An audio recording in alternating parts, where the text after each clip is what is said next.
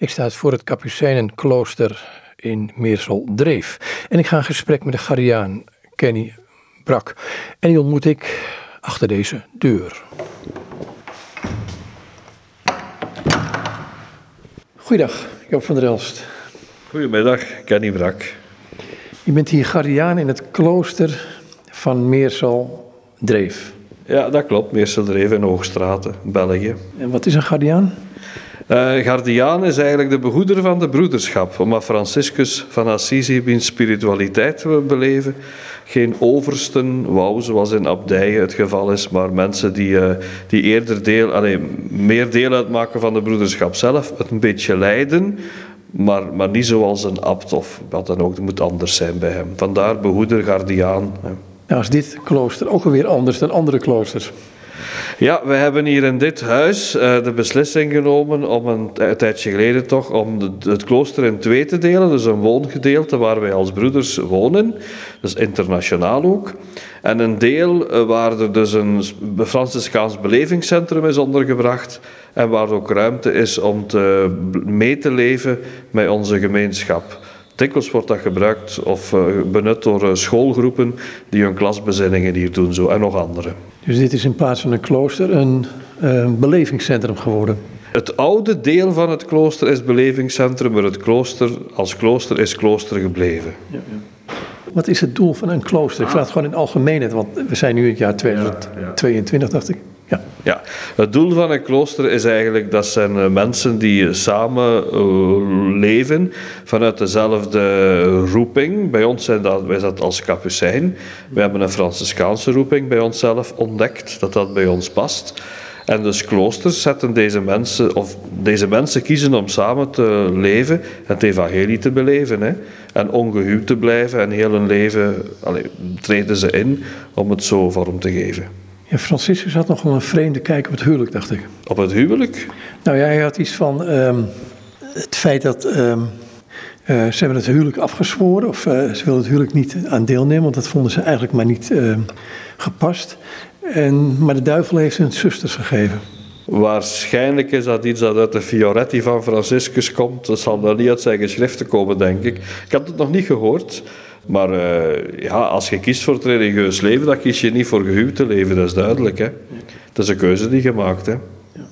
Wie was die Franciscus? Franciscus was een, uh, voor zijn bekering een jonge man die eigenlijk uh, zoon was van een lakenkoopman, Pietro Bernardoni. Je moet dat situeren in uh, midden-Italië. Uh, voordat Italië Italië was. Het waren nog allemaal stadstaatjes hè, die apart stonden. En hij zit een beetje in de burgerij. De, de middel, een feodale stelsel daar toen, uh, heel hiërarchisch, van top-down zo. Hè. Hij zat er ergens middenin. Niet van de adel, niet van het hele gewone volk, maar de, de chique burgerij. En zijn vader was iemand die heel de wereld rondreisde om overal lakenstoffen bij elkaar te krijgen. En ze hadden daar een winkel. Franciscus was iemand die daarin meedraaide. Was ook door zijn vader, werd dat verwacht.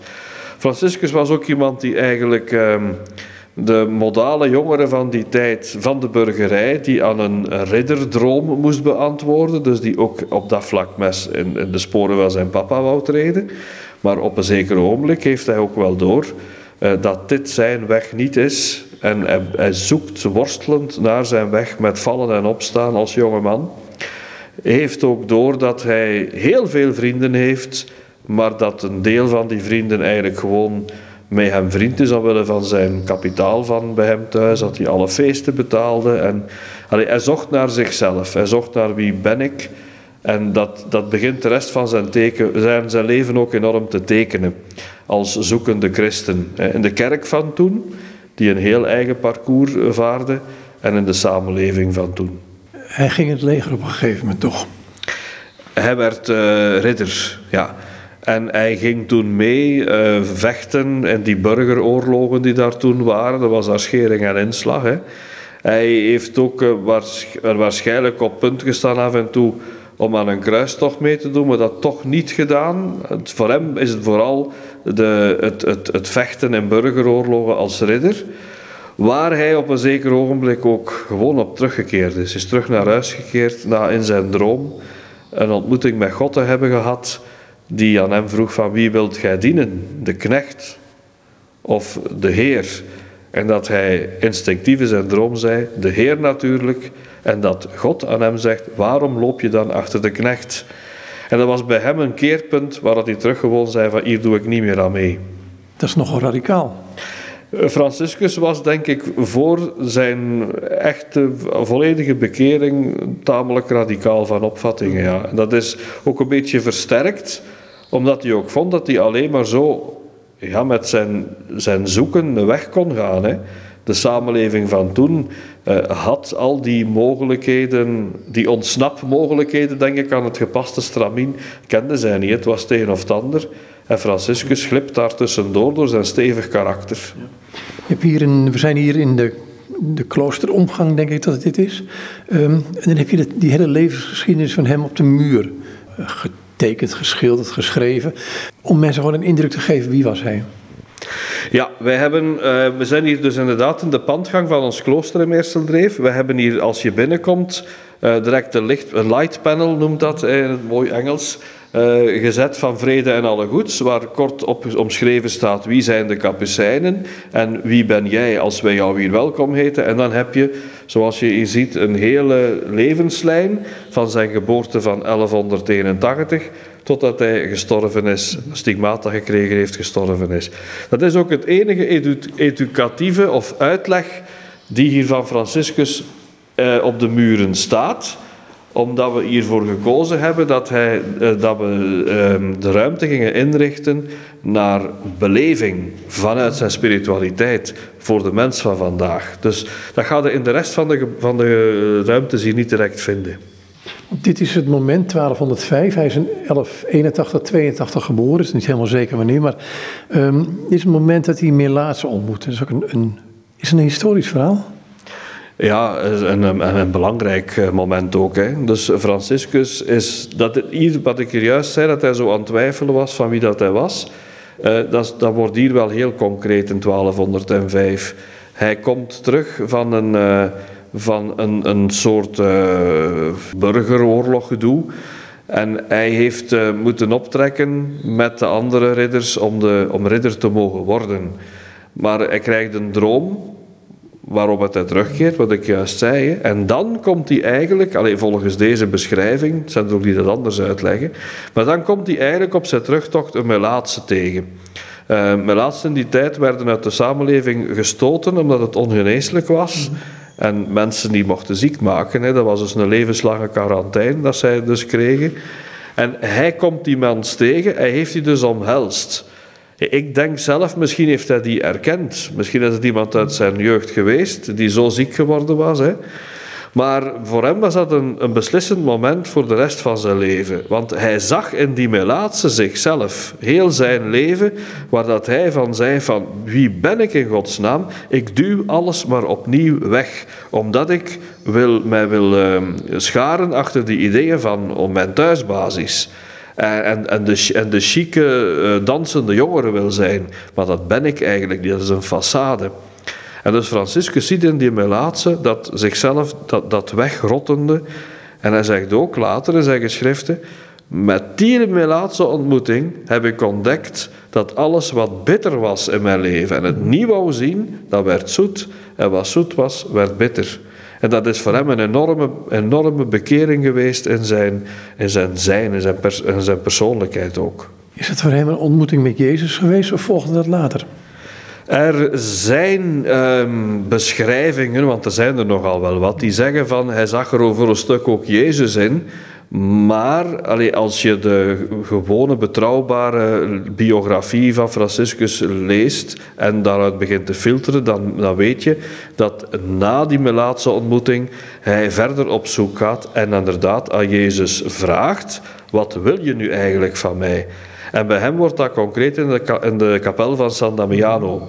Zo het midden van het veld, een vervallen ding dat daar stond, met een prachtig kruis uh, een Silomalobaaskruis, dus het kruis van San Damiano noemen we dat nu, omdat die kapel de San Damiano-kerk noemde, die ook weer in een visioen tot hem spreekt en zegt, Franciscus, ziet je niet dat mijn kerk in puin ligt? Vooruit, ga, herstel ze.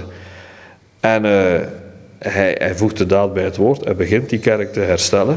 Later heeft hij door dat het over de gemeenschap ging. Die, uh, die in, bij mekaars haren voortdurend vloog, vloog en niet overeenkwam met elkaar. Hè. Dat hij die moest herstellen. Een elementaire vraag die hij stelt. Dat is een moeilijke vraag. Uh, Heer Jezus, wat wilt u dat ik doe? Uh, ja, dus Franciscus was een beetje, laten we zeggen in hedendaagse taal, de kluts kwijt. Hè. Mm-hmm. hij, hij, was, hij zocht naar zichzelf, hij was zeer gelovig van in het begin al en had heel duidelijk door dat God met hem een verhaal had. In zijn dromen kwam dat naar voren, al die ontmoetingen die hij had, hij zegt, dit is niet voor niks. God zet hier mensen op mijn, op mijn weg, maar hij wist er zich geen raad mee. Maar dat is ook typisch voor hem.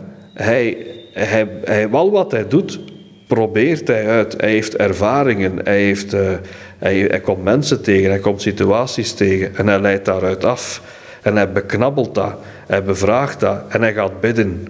En uit zijn gebed komt er heel veel naar voren van wat hij, wat hem maakt tot wie hij dan geworden is. Hè. Hij breekt met zijn vader en dan gaan de verhalen over dat hij op een gegeven moment uh, naakt op het kerkplein stond of het dorpsplein. Ja, dat is de striptease act in de buurt van het, van het bischopshuis daar nu. Hè.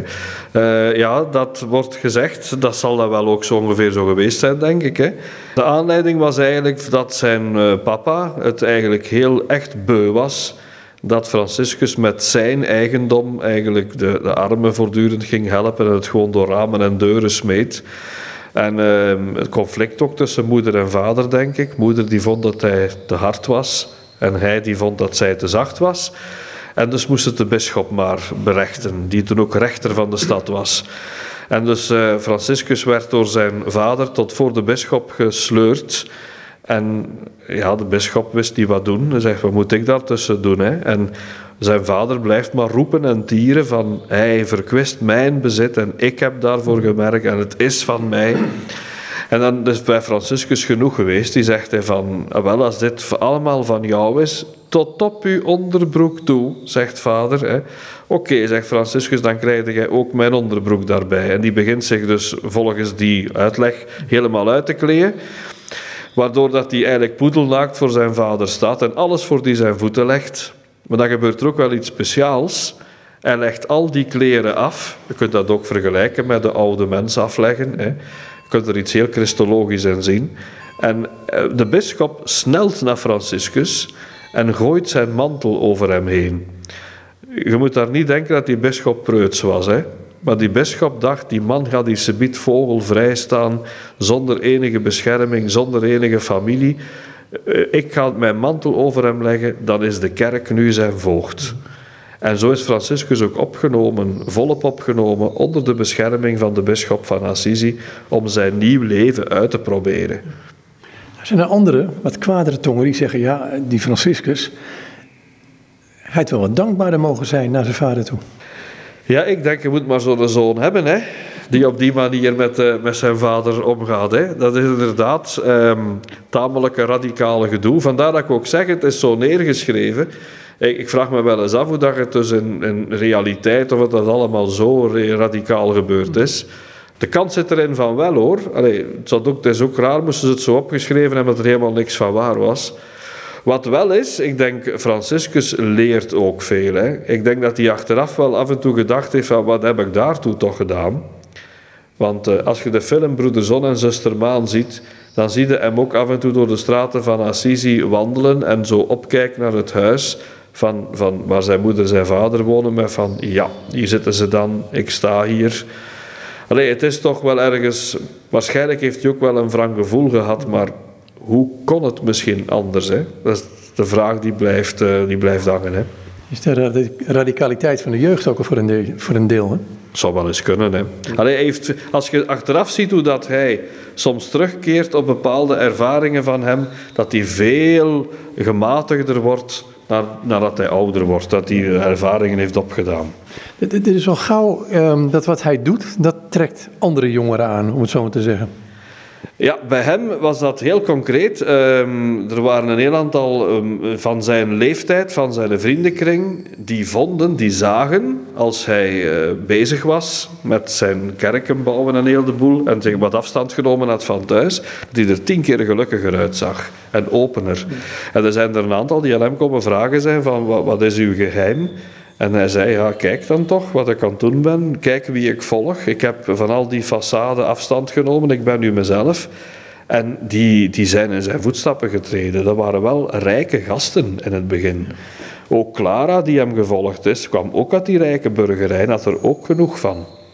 Je ziet in de beginperiode geen arme gasten hem volgen. Het zijn rijke stinkers die achter hem aanlopen die hun bezit opgeven om Jezus te volgen. En het is een beweging geworden die Europa overging hè, op dat moment.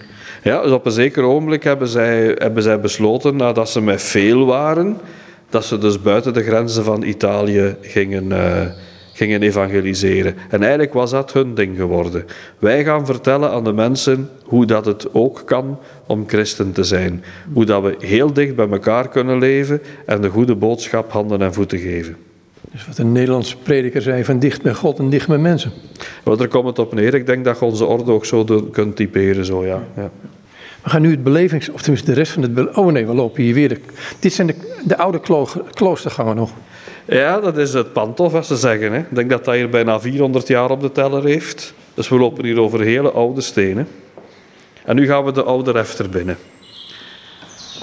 En hier hoor ik vogels. Ik ga niet vragen welke vogels dit zijn, maar ik denk dat zijn opnames uit een bos die je hier hoort. Van alle mogelijke vogels die mooi eh, zingen. Ja, um, wij hebben hier van onze oude refter een plaats gemaakt die iets met het zonnelied te maken heeft. We willen dus uh, mensen de gelegenheid geven om heel laagdrempelig uh, te kijken, te voelen, uh, dat op je af te laten komen. wat gebeurt er met jou als je hier staat? Als je dit hier hoort. Er zijn ook koptelefoons waar het zonnelied van Franciscus doorklinkt. Wat doet dat met jou? Hè? En sommigen, we zijn hier nogal veel met jonge mensen zo, scholen die hun bezinningsdagen hier hebben. Um, dan blijf ik zo wel eens een vijftal, achttal minuten hier ter plaatse. Dan zitten ze tegen de muur of op de grond of wat dan ook. En mensen worden echt rustig. Alle last valt van hen af. En uh, dat is dan de gelegenheid om te zeggen van kijk, kunt u dan in, kunnen erin komen dat een Franciscus daar zo God vond, dat hij daar geen, geen groot kerkinstituut van toen der tijd voor nodig had. Dat hij, dat hij uh, blij was dat hij van zijn, uh, zijn, zijn presterende thuisbasis afstand kon nemen. Dat hij hier zichzelf vond. En dan zie je toch wel dat dat die ervaring gedeeld wordt. Jonge mensen zeggen ook van, ja, wat een rust in onze hectische maatschappij, dat ik hier ook die rust vind. Allee, ze kunnen vergelijkingen maken. Hè. dan denk ik, hè, nu ondeugend zijn, uh, als ik hier achter het klooster ga lopen in het bos, heb ik die stilte ook. Er zitten vinken, er zitten van allerlei vogels. Ja, dat klopt. Wij hebben dit hier zo gemaakt. Uh, een van de... Wegen de winter? Ja, dat zou je wel kunnen zeggen. Ja. Als het winter is, zeiden ook van ja, het is hier precies zomer dat je binnenkomt. Hè. Nee, we moesten ergens met het zonnelied iets doen. En inderdaad, je kunt dat zeggen, als je hier de natuur in trekt hierachter, in dit seizoen, het is nu volop zomer, uh, hoor je die ook fluiten. Maar hier zijn veel vogels maar wij veel nestkastjes gehangen hebben. Hè. Dus we hebben wel echt aan de natuur een handje geholpen om hier veel vogels in het park te hebben. Klopt, werkt wel. Je hebt het over het zonnelied. Is dit een deel van het zonnelied wat ik hier zie? Ja, op het light panel dat je hier ziet, is er een stukje uit het zonnelied dat we gehaald hebben. Vooral omdat hij Franciscus alles in de schepping broeder en zuster noemt. En hij, bijvoorbeeld, ik lees een stukje voor. Wees geprezen, mijn Heer, door al uw schepselen, vooral door Heer, broeder, zon, die de dag is en door wie gij ons verlicht. En zo verder. Dus eigenlijk noemt Franciscus, door in de natuur te zijn, heeft hij de ervaring door alles en iedereen broeder en zuster te noemen. Hoe gaat het verder? En hij is mooi en straalt met grote pracht. Van u, Allerhoogste, draagt hij het teken. En dan staat eronder, ook al hebben sommige schepselen geen taal, toch spreken ze. Ja, door hun zijn. Hè. Allee, een boom, die, de bomen en de bloemen en zo, die, die, die spreken door hun zijn. Ze stralen het uit. Hè. En ik denk dat Franciscus daar heel erg in opging. Ik hoorde ooit een Keniaan tegen mij zeggen: bij ons in de kerk. Ehm, het lijkt wel of jullie in Europa, hier in het Westen, de natuur hebben gekolonialiseerd. Eh, ja, ja, ik weet niet, ja. Nee, maar ik bedoel in die zin, dit is, dit is, dit is een, een kunstmatige ruimte. Ehm, dan denk ik wel eens van, hey, hebben wij dit nodig om tot een besef te komen wat er werkelijk in de natuur is? Als die er nog is. Ik denk dat je dezelfde link kunt leggen met ehm, de schilder die een schilderij maakt. Ehm, of met een fotograaf die foto's maakt. Eh, Soms zeggen mensen, eh, ze, lopen door de, ze lopen door de natuur. Ah, het is precies een schilderij. Hoe zeggen ze? Oh, dat is hier schilderachtig. Dat is ook de zaak omdraaien. Hè? Alleen, bedoel, omdat ze uiteindelijk ehm, precies het andere nodig hebben om, om te kunnen beseffen wat een rijkdom dat natuur is. Ik zie het misschien een beetje zo. Verwondering. De verwondering, ja, maar die ze opnieuw moeten leren ontdekken. Hoe gaan we verder dan dit? We gaan verder, ja. We gaan naar een ruimte hiernaast, waar je een grote spiegel zult zien. Kijk, En hier is het echt stil. Ja, hier is het heel stil. Het enige wat hier is, dus deze ruimte wordt gedomineerd door een eh, ja, tamelijk zwart hè, en een, een donkere spiegel, waarin dat je in de spiegel kijkt en eh, neonletters eh, kunt lezen Deus meus et omnia. Vrij vertaald. mijn God en mijn alles. Het is een, een uitspraak van Franciscus die op een bepaald ogenblik bij broeder Bernardus, dat hij er op bezoek was, eh, voortdurend herhaalde in zijn nachtelijk gebed. En Bernardus was daar zo door gesticht dat, dat Franciscus zo diep biddend bestond, dat hij uiteindelijk ook stappen gezet heeft om bij zijn broederschap te horen. Hè. Deus meus et omnia, wat, wat we hier een beetje willen zeggen, is eigenlijk ook van... ehm, Franciscus heeft op een zeker ogenblik heel veel verantwoordelijkheden op zijn schouders genomen. Vooral omdat zijn orde aan het groeien was, spectaculair aan het groeien was. En hij wou dat helemaal niet. Dat was eenmaal zijn bedoeling in het begin niet geweest, maar was wel blij dat het gebeurde. Maar hij kon die druk niet aan. En dit weer al kwam in zijn gebed naar voren. En opnieuw in een visioen is het Jezus die tot hen spreekt en zegt: Maar Franciscus, wist in godsnaam mogelijk dat je het weer allemaal zo naar u aan toetrekken zijt? Gij zijt de generale minister van de orde niet, het is de Heilige Geest. Geef het uit handen. Het is God die je moet laten leiden. Denkt gij echt dat God dat van jou verwacht, dat jij hier zoveel eh, stuurt en duwt en trekt? En dat is bij hem weer al die proefondervindelijke ervaring geworden van, ah ja, zo kan het ook. Als hij dan heel veel nadruk begint te leggen op leren loslaten, en wat wij nu, dat- als wij over Franciscus iets horen, is het leren loslaten precies heel belangrijk. Hè? Wel, dat is bij hem gaandeweg gegaan. Dus heel die grote spirituele boterham die we voorgeschoteld krijgen, dat is bij hem gegroeid. Uit ervaring, uit dingen tegenkomen, soms met te botsen, builen en blutsen te krijgen. Hè? Dat vergeten wij wel eens, hè? Dat, het- dat er een leven achter zit. Ja, ik denk wat wij krijgen van hem is eigenlijk een, een, een 35-jarig levensverloop. Hè. Die heeft daar 35 jaar voor nodig gehad om te ontdekken wie hij was. En dat lezen wij in een paar hoofdstukken in een boek van hem. En ja, als wij een boek lezen, denken we van oké, dat wil ik navolgen of helemaal niet. Terwijl het het groeiende is. Hè. Een boom heeft tijd nodig. Hè? Die moet kunnen groeien, hè. inderdaad.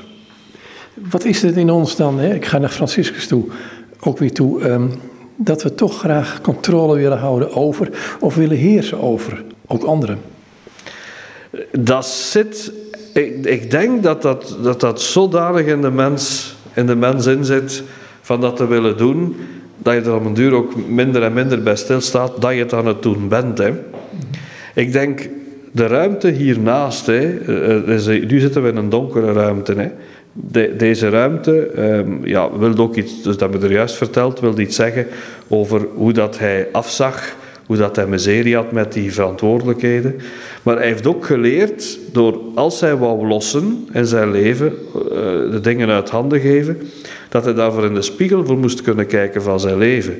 Vandaar die grote spiegel hier ook. Maar het is donker, die spiegel. Ja, omdat het een van de donkere momenten van zijn leven uh, wil uh, duidelijk maken. En dat uiteindelijk God daar wel lichtend uitkomt. Vandaar die neonletters Deus meus et omnia. En ook, als je in deze spiegel kijkt, kun je niet tot in een detail kijken. Dus het wil de mensen ook uitnodigen die hier voor die spiegel staan, om verder te denken dan die een detail. Bijvoorbeeld, hoe, staat mijn gezicht daarbij? Hè? Hoe, hoe, is mijn silhouet? Hoe is dit? Hoe is dat? Eigenlijk is de bedoeling om een keer na te denken over, zou het kunnen dat ehm, aan de andere kant van die spiegel, dat er daar iemand in jouw ogen aan het kijken is? En stel je voor dat dat God is. Hè? Wat zou hij dan zeggen tot jou? Als ik die vraag hier stel aan veel jonge mensen, dan nogal eens van dat godsbeeld dat hem parten speelt van een, een, een, een, een straffende God of een, eh, een, een, een, God die, die, die correcties uitvoert in het leven, zo, die hen terecht wijst. En onze Franciscaanse spiritualiteit, die zegt juist tegenovergestelde. Die gaat die mens bevestigen en het goede uit iedereen halen door bevestigend te zijn. God die blij is dat je er bent die iedere milliseconde in je ogen kijkt en u bevestigend aankijkt. Dus ook al als heel je omgeving u afwijst, dat je toch weet, ja maar God laat mij nooit vallen, die is altijd bij mij. Dat is eigenlijk de Franciscaanse spiritualiteit op en top. Hè? Is dat iets wat je doen kunt? Ja, ik zeg het een beetje raar nu. In mijn eigen woorden dan als je thuis zit of op een bankje zit in een park, maar gewoon thuis op een stoel, eh, vooral de tv en je sociale media uit, maar gewoon eens gaat nadenken van hé, hey, hoe kijkt God naar mij als je met deze gedachten denkt? Dat kunnen we zeker doen. Ik heb ooit eens ook aan, aan een, bij oefening bij jonge mensen is gevraagd van... Uh, wij hadden toen, in, dat was in een parochie waar ik toen werkte... en waar onze jongerenwerking nogal stevig was... En er stond de groot San Damiano-kruis in de tuin ook. ik zei, ga daar eens voor staan. Dat was een van het parcours zo. Hè. En zeg eens, vraag eens aan Jezus, wat denk jij nu van mij? En uh, het was heel confronterend voor veel jonge mensen. Maar het confronterende was ook dikwijls wat zij dan voor ons, dan als begeleiders, wat zij dan wisten te zeggen. Um, hun zelfbeeld was nooit, was, was eigenlijk weinig positief. Dat viel mij toen op. En na die sessies van, die, van dat weekend zijn die er wel heel erboren uitgekomen, moet ik zeggen. Dankzij die input van dat, dat Franciscaanse, van uh, je bent de moeite waard. En wij bevestigen dat bij jou. Franciscus ziet dat ook, omdat hij die ervaring met God had. Je hebt hier een tekst bij, kun je lezen van uh, Clara van Assisi. Ik zal hem eens lezen, ja. Plaats je geest in de spiegel van de eeuwigheid. Plaats je ziel in de afstraling van de heerlijkheid. Plaats je hart in het evenbeeld van Gods wezen en vorm jezelf door beschouwing geheel om in het beeld van zijn godheid. En er staat erboven een verhaal over um, Franciscus, dat hij ook zijn donkere tijden heeft gehad. En ik moet denken aan wat ik in een boek van, uh, is het Helen uh, Notenius, die schrijft van, uh, dat Franciscus zeker aan het eind van zijn leven soms behoorlijk uit zijn slof kan schieten. En dan zeg ik het heel voorzichtig. Uh, ja, ik denk als je Helene Ottelius leest, dat je wel echt bij de realiteit zit hoor. Die, uh, die weet hij wel te plaatsen. Ik denk dat in Franciscus inderdaad ook, die heeft zijn, uh, dat is een opvliegend manneke geweest denk ik, die zichzelf wel serieus onder controle moest houden af en toe. Die er ook veel van geleerd heeft, mm-hmm. maar die ook dat nodig had om zich af en toe terug te trekken en weer te kalmeren. Hè. Dus ik denk dat het een beetje is lekker een kind dat je in de hoek moet zetten af en toe. Van nu moet er tot u zelf komen en zwijgt nu maar. Ik denk dat bij Franciscus ook af en toe met zijn broeders ook wel zoiets was. Dat kunt je tussen de regels door en veel dingen lezen. Dat hij zelf veel heeft moeten leren en het ook geleerd heeft. En daarvan ook getuigt. Heeft hij het vaak over geduld? Uh, hij heeft het af en toe wel eens over geduld. Ja, er is wel eens een mooi verhaal van de ware vreugde dat dat ook uh, heel sterk benadrukt. Hoe, uh, dat, zal, dat zal waarschijnlijk ook wel iets over zijn eigen ongeduld gezegd hebben, of willen zeggen hebben, en dat die wel meegeven van, naar zijn medebroeders toe van hoeveel geduld kun je hebben in het leven. Hè? Het is gemakkelijk voor een kluizenaar om te zeggen, ik ben heel geduldig dat er geen medebroeders rondom mij wonen, maar ga ik keer in een klooster wonen en je weet hoeveel of hoe weinig geduld dat je hebt. Het huwelijk is ook een, heel, een hele mooie methode. Ja, eh, wel, ja, iedere samenlevingsvorm, hè. inderdaad. Maar hoe is dat verhaal wat hij vertelde? Dat van de ware vreugde. Ehm, dat gaat eigenlijk kort gezegd, eh, ik ga het heel erg samenvatten. Hè. Eh, het, het gaat over een hij en een, en een, en een- of iemand, een medebroeder, die, ehm, die aankomt na een nacht waar het regent, slecht weer is, waar de ijspegels aan, de, aan hun nabijt hangen. En ze kloppen aan aan, het, aan een huis eh, waar, van zijn orde, dus Franciscus zelf, zo is het. Ja. Hij, klopt thuis aan een, thuis, uit, hij klopt aan aan de deur van zijn kloosters en hij zegt, ik ben broeder Franciscus, laat me binnen. Eh, het is al laat en, eh, en de medebroeders zeggen, gij Franciscus, wij kennen geen Franciscus, maak me dat je weg zijt. Wij zijn al van een zeer geleerde stand en wij hebben jou niet meer nodig. Jij bent maar een armoezaaier. En je denkt dat je het allemaal beter weet, maar wij weten het beter. En ze slaan de deur dicht. En Franciscus blijft aandringen en blijft aandringen. En zegt, alleen voor de liefde gods toch, laat me toch binnen. En dat gebeurt zo'n paar keer dat hij dat moet herhalen in zijn verhalen. Want het is een voorbeeldverhaal dat hij vertelt. En hij zegt tegen broeder Leo, ah wel, als je na zoveel keer eigenlijk dan aan de deur hebt staan blijven kloppen en dan uw geduld nog niet verliest, weet dan dat je de ware vreugde beleeft. Dat gaat heel ver, ja. Ja, dat gaat heel ver, hè? Je noemde het woord armoedzaaier. Er was een cabaretier in Nederland, Fons Jansen, die noemde de rijken altijd de armoedzaaier. Want die zaaien armoed. Ah ja, dat is inderdaad waar, ja. Dat is goed gezien. Maar komen we, nu komen we in een hele heldere ruimte. Hierin, ehm, ik ga er vast in. Ehm, ja, dit is, dit is zo'n ruimte waar je een stoel neer moet zetten. Want ik sta er ook. En gewoon kan blijven zitten, eindeloos. Ja, dit is eigenlijk, ik ga er mee kort bij zeggen, onze oude keuken van het oude klooster. dan. We hebben al die muren afgekapt. Dat ziet je ook aan de stenen, de ruwe steen. En als je goed kijkt, zie je daar de verbouwingen van bijna 400 jaar lang. Dus een deur weggedaan, een deur bijgestoken, er is een poort geweest. Dus eigenlijk de façade is hier helemaal weg. En daar in de hoek van de, van de zaal zie je een spleet die we in de muur gemaakt hebben. En die heeft iets te maken met de Sacro Speco's in Italië. Franciscus trok zich regelmatig terug in rotspelonken. Waarschijnlijk om te kalmeren. Hè. Zo, zo kun je het wel stellen, ja. Ik, ik denk dat dat af en toe ook zo moet gezien worden. We hebben zien dat soms veel te heilig. Hè. En eh, ik denk dat de Franciscus af en toe nodig had om zich terug te trekken. Het is nu zo dat we hier, als we hier alles hebben afgekapt van die muren, dat we ook willen ervaring meegegeven hebben aan mensen van kijk eens, je ziet nu de waarheid achter de, de opsmuk. En wat Franciscus in die rotspelonken heeft ontdekt, dat is zijn ware ik. Hè. Dus die maakte voortdurend wel botsingen en wrijvingen en ook teleurstellingen mee, zoals iedere mens. En hij, hij kon zichzelf weer op het spoor krijgen door zich terug te trekken in een rotspelonk. Om, om in verbondenheid met God te vragen, van hem geduld te geven en kracht te geven. En meestal kwam Franciscus er weer herboren uit met nieuwe ideeën en met, met, een, met, een, met een nieuwe moed om weer verder te gaan. En dat was omdat er niks om hem heen was. En de vraag is dan dikwijls ook van, hoe zit dat met ons? Hè? Wie zit er achter onze façade? Hè? Wat trek ik soms op rondom mij van façade? En uh, durf ik dat wegdoen? Durf ik laten zien welke manoeuvres er eigenlijk achter die façade zitten om, om eigenlijk mezelf te kunnen handhaven in een, in een samenleving of gewoon ten opzichte van mijn vrienden? Durf ik mij te laten zien zoals ik ben? En waarom heb ik die façade nodig? Nou, die vraag kun je jezelf stellen in deze samenleving. Want um, ja, en dan? Kun je misschien die tekst eerst lezen uit wijsheid, want dat is misschien wel goed voor de rest van het gesprek. Ja, ja.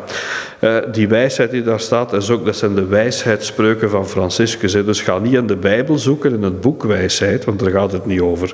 Maar dus wat Franciscus heeft neerge of uitgesproken is dit. Waar armoede is met vreugde, daar is geen hebzucht en geen gierigheid. Nou weet ik van een van de dingen van um, Franciscus, um, is dat hij Um, kijk, je kunt armoede kun je gaan verheerlijken. En, en, je kunt er heel trots op zijn.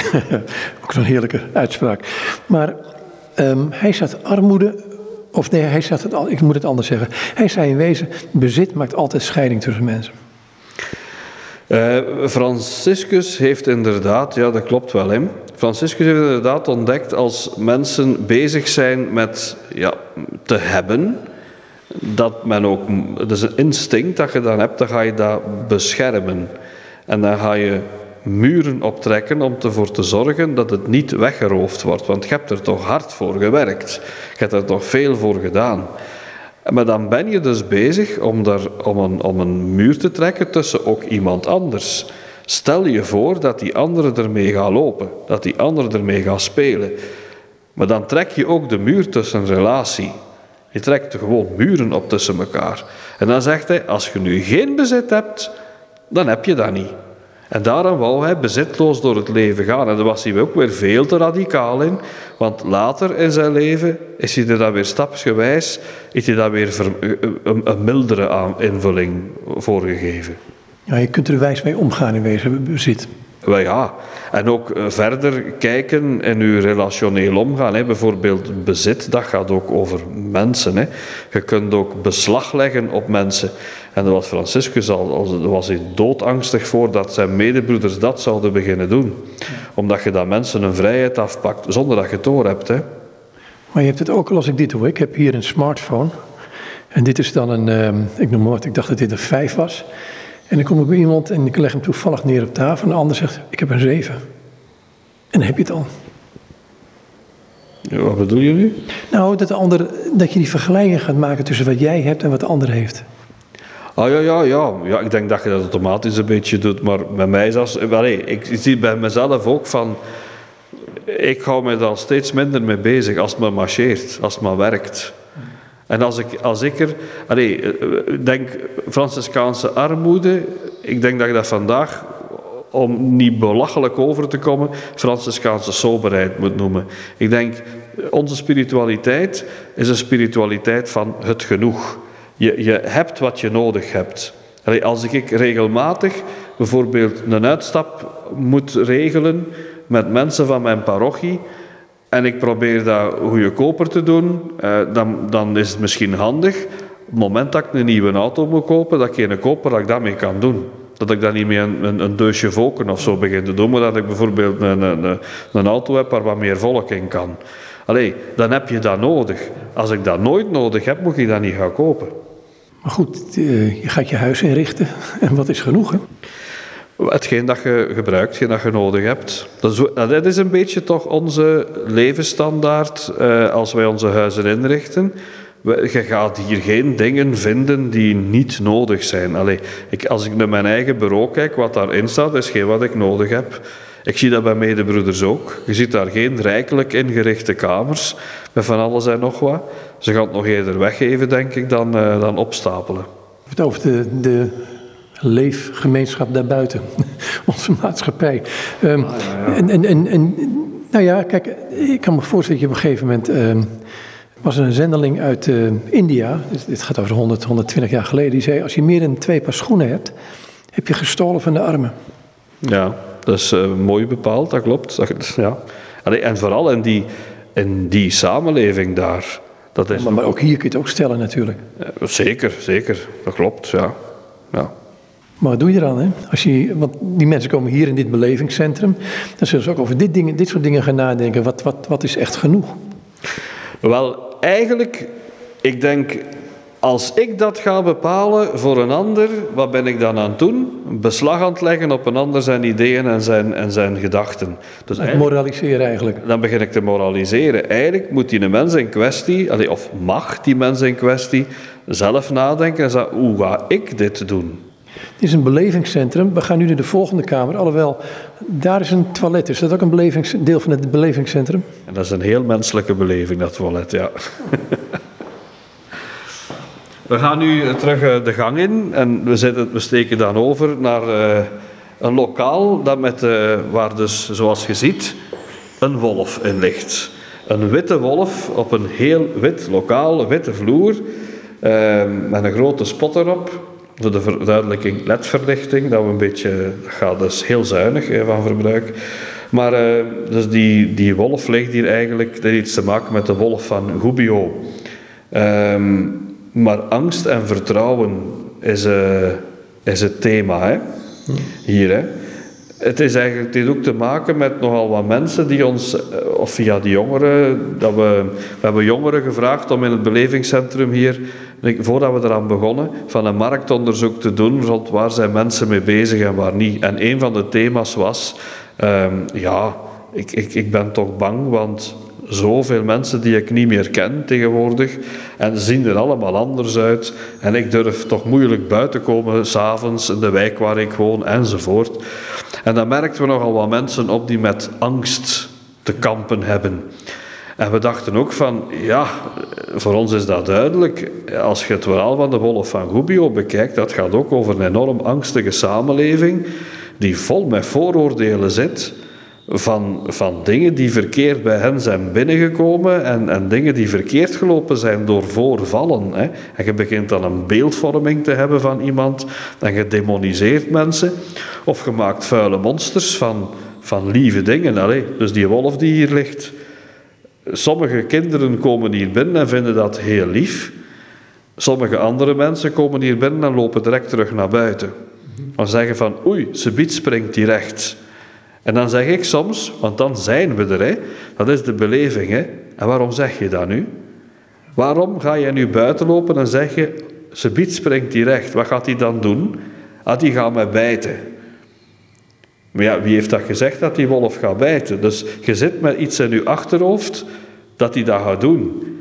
Terwijl het, het verhaal achter de wolf van Gubbio is eigenlijk van de stad Gubbio, die, heel, die wel geterroriseerd werd door die wolf, dat klopt allemaal, maar Franciscus heeft uitgefilterd uh, dat, dat uiteindelijk uh, de wolf gewoon honger had en bang was van al die mensen en zich heel uh, katachtig of wolfachtig opstelde, omdat hij bang was om donderspit te delven.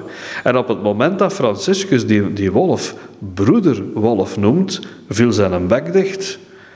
En was hij vol verbazing van, kijk, die stem die klinkt hier vriendelijk. Normaal gezien, de mens is nooit vriendelijk tegen hem geweest. Hebben hem heel, heel zijn leven, heeft hij gewoon gehoord, smerig beest lelijk monster maakt dat je weg bent. En hij is slagen gekregen en hij, en, en hij is buiten geschopt en gedaan. Dus die is zich meer en meer als een, een, een smerige wolf beginnen gedragen. Terwijl dat het beest gewoon honger en dorst had. En dus het verhaal zegt dan ook natuurlijk, dat is een legendarisch verhaal, dat Franciscus het klaar kreeg dat hij de grote beschermer van het dorp werd, omdat hij eten en drinken kreeg s'avonds. En het werd een schoothondje een heilige verhaal of is het een ware gebeurtenis? Wel, kijk, uh, je mag ervan denken wat je wilt. Er zijn ook mensen die zeggen van ja, die wolf, dat is waarschijnlijk zo'n ongelikte beer geweest die Wolfgang heette. En dat er niemand wist er een land mee te bezeilen. En dat is dat geweest. Hè. Maar uh, goed, geloof het of geloof het niet. Het staat hier ook op het lightpanel.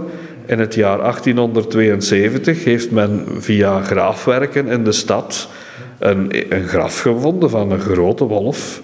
Is het nu waar of is het niet? Want de legende zei ook dat de wolf begraven werd. En uh, ik ben daar geweest in Gubbio, er is inderdaad dat graf. Maar hij gaat naar de essentie van het verhaal en um, zegt dan ben je in staat door de angst heen het vertrouwen terug te vinden en je te verzoenen met datgene wat jou zo bang maakt. Maar dan ga je in het wezen, wat, wat denk ik enorm speelt. En je hebt een wolf als voorbeeld nu, maar angst is toch een enorme drijfveer in dit leven. Ja, en het, ja, het overvalt u ook. Hè. Dat, is, zijn een van de meest banale of basale dingen ook in het leven die, waar een mens mee kampt. Hè. Met angsten. Maar is het niet aan ons ook om als, aan iedereen eigenlijk, als medemens, als je in een gesprek bent met iemand die mij met vele angsten zit, van op een of andere manier die vertrouwen te geven in het leven. Hè? En dan denk ik dat we vanuit onze spiritualiteit toch wel een grote troef hebben, of alleen te zeggen troef, een, een, een, een mooie wijze van bemediteren hebben van hoe ga je ermee om met je angsten. Zie ze onder ogen. Onder begeleiding natuurlijk, mocht dat nooit alleen doen. Hè. Maar je hoeft ook niet bang te zijn om je angsten te tonen. Ja, durven laten zien. Hè. Maar dan denk ik ook wel, dat moet je iemand hebben die te vertrouwen is. Dus het is een stuk veiligheid geeft. Ja, ja. En ik denk dat is de eerste stap. Hè. Dat je iemand echt zoekt, dat je iemand in vertrouwen kunt nemen om erover te praten. En uiteindelijk ontdekken dat het allemaal zo erg niet is en dat je dikwijls inbeeldt. Of dat je wat je meegemaakt hebt, dat dat geen algemene deler moet zijn. Ja. Het gaat over angst en vertrouwen. Die tekst uit wijsheid, kun je die lezen? Waar rust is en bezinning, daar is geen bezorgdheid en geen ronddolen. Dat ronddolen? Wel, je zou bijna kunnen zeggen, doelloos niet willen thuiskomen. Dat is mijn interpretatie. Hè? Hoe reageren mensen erop als je dit zo zegt tegen hen? Want je krijgt hier scholen uh, die helemaal in deze maatschappij zijn. En waarschijnlijk, want jij bent bijna 50, ik ben wat ouder. Mijlenver in hun communicatie van je afstaan en toch weer niet. Ik moet zeggen, dit lokaal is het lokaal dat het meeste aanslaat bij alle leeftijden. Iedereen zit met angsten. En bijna niemand zegt het.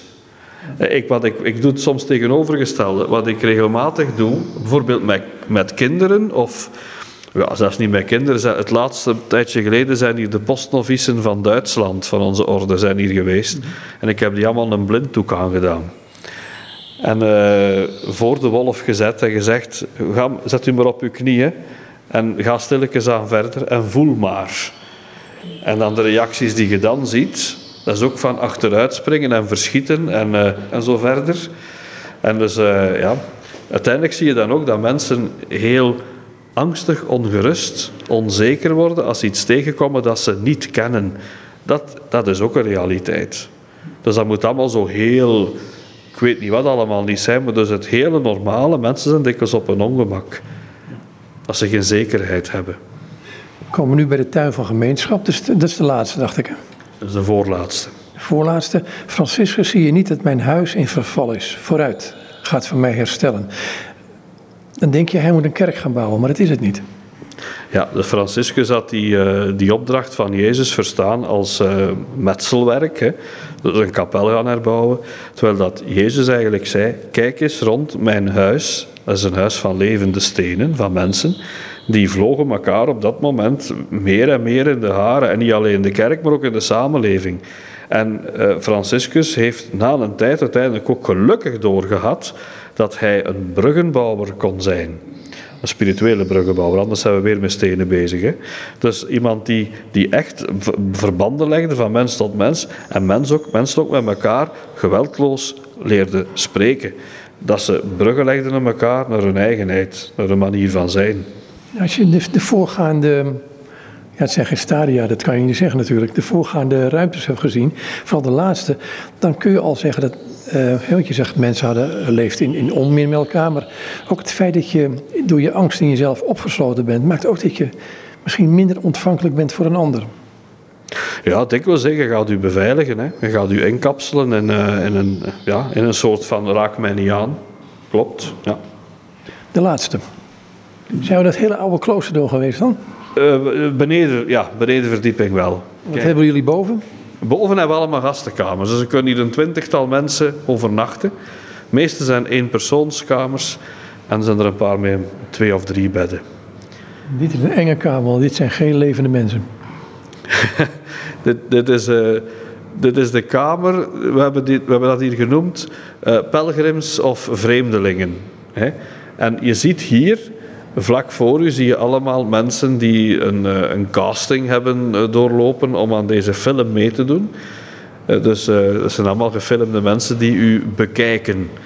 Dat is eigenlijk naar we hebben, er is ook een kunstwerk, een levend, een bewegend kunstwerk van, ik kan u niet direct op zijn naam komen, die dat ook heeft gemaakt. Dus ik zie jou en jij ziet mij of zoiets. Hè.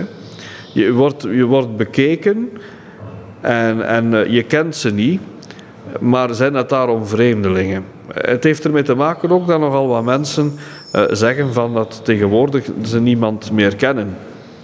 Uh, ik ken bijvoorbeeld, als ik... Uh, ik ben nog pastoor geweest in Antwerpen, in de Lange Beeldeke-straat. Dat is toch wel een verhaal dat hierbij past. En er waren in, uh, je hebt daar Chinatown.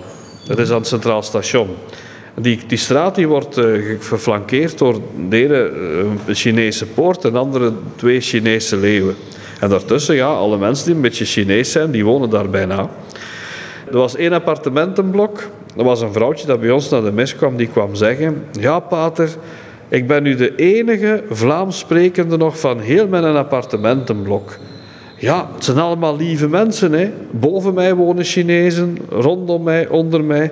Ik weet echt niet wat taal ik ermee moet spreken. Dus ik ben ik de enige nog van vroeger in mijn appartement. En ik weet niet wat dat die voor hebben, die mensen. Hè. Wat moet ik daar tegen gaan zeggen? En, en ik, voel me, ik voel me toch ook niet gerust, want ja, wat willen ze? En, en, enzovoort. Nu, het moet lukken op dat moment komt er uh, iemand binnen van de Chinese gemeenschap daar, die, uh, die daar altijd naar de mis kwam, maar die zijn ook nooit dat opgemerkt. En zegt tegen mij van, is het vandaag dat ik de eerste lezing moet doen? En is het in Chinees of is het in het Nederlands? Ik zeg, ik denk dat het in Chinees is, maar ga maar eens kijken op de sacristie, daar ligt een lijst van de talen waarin we vandaag de lezing gaan doen. En dus die man komt terug en die zegt, ja ja, het is in het Chinees. Dus heb je de Nederlandse vertaling klaar voor het, voor het projectiescherm? Zeg ja, dat zal dan in orde zijn. En die man kijkt naar die vrouw en die zegt van... Ha, dag Solange, hoe is het met u? Blij dat ik hier ook een keer zie. En zij staat te kijken en zegt van... Spreek te gaafloms. Dus in het Antwerps accent. En zegt hij van... Maar ja, maar we hebben de kans nog niet gehad om tegen jou te zeggen, want je zei zo angstig altijd weg. Ik ben blij dat ik u hier nu een keer zie staan. Jongen, jongen, zegt ze. En de andere mensen in de blok, spreken die dan ook floms? Bijna iedereen van ons, zegt hij, voor zover dat ik weet toch. Gaan we een keer een koffie drinken na de mis. En die vrouw is helemaal ontdooid. Maar zij was zo bang, zij durfde geen contact leggen, want het waren allemaal vreemden. Hè? Terwijl dat het eigenlijk allemaal mensen zijn die, die, op, die een bepaalde richting uitgaan. Pelgrims, op weg. Is, is dat een dilemma in ons leven helemaal eigenlijk? Dat we vaak beelden hebben van anderen, maar niet de moeite doen om met een ander in gesprek te komen. En als je in het gesprek bent, dan blijkt er een ene mens tegenover je te zitten in plaats van iemand die Chinees of weet ik veel wat is. Ja, wel, dat is regelmatig zo. Hè. En dat, dat, dat wil je voor een stuk ook willen laten zien. Hè. Je moet een keer goed kijken waar er iemand staat op die geprojecteerde wand, pinkt er een lamp. Het hart klopt. Hè. En aan die uh, grote paal die hier in het midden staat, is er een, een, een, contactmogelijkheid. Als jij je hand erop legt, dan wordt je hartslag gedetecteerd. Mhm. En dan gaat er boven die paal ook een lamp branden. Dus het, ons hart klopt voor elkaar. Wij zijn pelgrims onderweg. Zijn wij dan zo vreemd? We zijn allemaal mensen. Hoe ben je op het idee gekomen, zijn jullie op het idee gekomen om dit te gaan doen? Want dit is, dit is toch een andere manier van klooster zijn dan ik me kan herinneren van de kloosters die ik bezocht heb. Ja, wel, daarom is dit ook het belevingscentrum. Hè. We wouden echt zorgen ja, voor een laagdrempelige contactname met onze spiritualiteit. En dan heb je wegen en middelen nodig om mensen daarmee te bereiken. En als ze dan daarna de vraag gaan stellen, wat heeft Franciscus mij te vertellen? Eerst is, wat maak ik hier mee? En dan is, ah ja, hier, hier heb ik een nieuw inzicht. Franciscus vertelt mij dat of dat. Het onderzoek dat jullie gedaan hebben, dat is in twee etappes gegaan. Eén etappe waar je een prachtig stuk had, dat vertelde je me net in, tijdens het voorgesprek, een prachtig stuk had geschreven. Dat hebben jullie hebben oordeling aan iemand gegeven. En die zei, verscheur het maar. Ja, dat is eigenlijk inderdaad wel was confronterend. We hadden een jaar lang, wat ik misschien wat meer, echt na zitten denken van wat gaan we doen, wat willen we meegeven. En uh, een aantal mensen uit onze werkgroep die waren ervan overtuigd dat ze wisten hoe dat ze Franciscus moesten samenvatten in thema's. En uh, dat was allemaal uitgewerkt. Maar ja, je staat er niet bij stil dat je, dat je moraliseren bent. En ik ging ermee naar een moraalfilosoof van de KU Leuven. En uh, die bekijkt dat en die kwam na een half uurtje terug en die zegt van scheur het maar in twee. Zo gaat je echt geen mensen bereiken. Je zegt voortdurend tot moraliseren van de pagina naar de ander. En dat was echt onze bedoeling niet. En toen zijn we stilletjes aan, stapje per stapje, met andere mensen er ook bij, de zaak beginnen opentrekken naar uh, hoe kunnen we dan Franciscus toch bij mensen brengen zonder moraliserend te zijn. En dat hebben we hier toch wel geprobeerd. Is het een beetje krabben waar de mensen jeuk hebben? Uh, ja, ze kunt dat zo zeggen. Dat is een mooie uitdrukking, ja. ja. Elke dag geopend? Nee, uh, wij hebben in het begin gedacht van we zetten het regelmatig open, dan laten we dan ook zien op straat. Dus het belevingscentrum is geopend, maar dat werkt niet. Uh, wat we wel doen is van mensen kunnen laten horen van wij komen graag, dan zetten we het open. Uh, het meeste, dat gebeurt weinig. Het meeste is bijvoorbeeld een groep die zegt uh, we zouden een keer een andere vorm van bedevaart willen uitproberen. Het is hier een bedevaartsoort ook. Hè. Mag, dat er, mag dat zo, dat we ons bedevaart samenstellen en bijvoorbeeld in de voormiddag een viering hebben in de kerk, een keer goed eten in het restaurant en in de namiddag komen we naar het belevingscentrum voor een bezinning waar jij ons rondleidt. Dat gebeurt. Of schoolgroepen die een klasbezinning hier hebben in het laatste jaar middelbaar. Waar kun je contactgegevens vinden? Uh, op onze website www.capuchins.be of uh, de site van de pastorale eenheid www.sintfranciscus.com of uh, gewoon, ik denk via Google vind je het ook wel, Franciscaans Belevingscentrum, gevindt, wordt naar hier geleid, naar onze sites, denk ik. En dat is in Meerseldreef? Dat is Meerseldreef, ja. Meerseldreef is een deelgemeente van Hoogstraten. En, ik wil er nog bij zeggen, wij hebben nu als een nieuw luik onze app ontwikkeld, uh, Fratelli. Die is op de App Store te, gratis te downloaden. Daar heb je ook alle thema's van het belevingscentrum, maar verder uitgediept. Serieus uitgediept, met audiovisuele dingen zo. Echt goed. Heel goeie dank voor dit gesprek. Graag gedaan en welkom. En dit is Kenny Brak en met hem was ik in gesprek.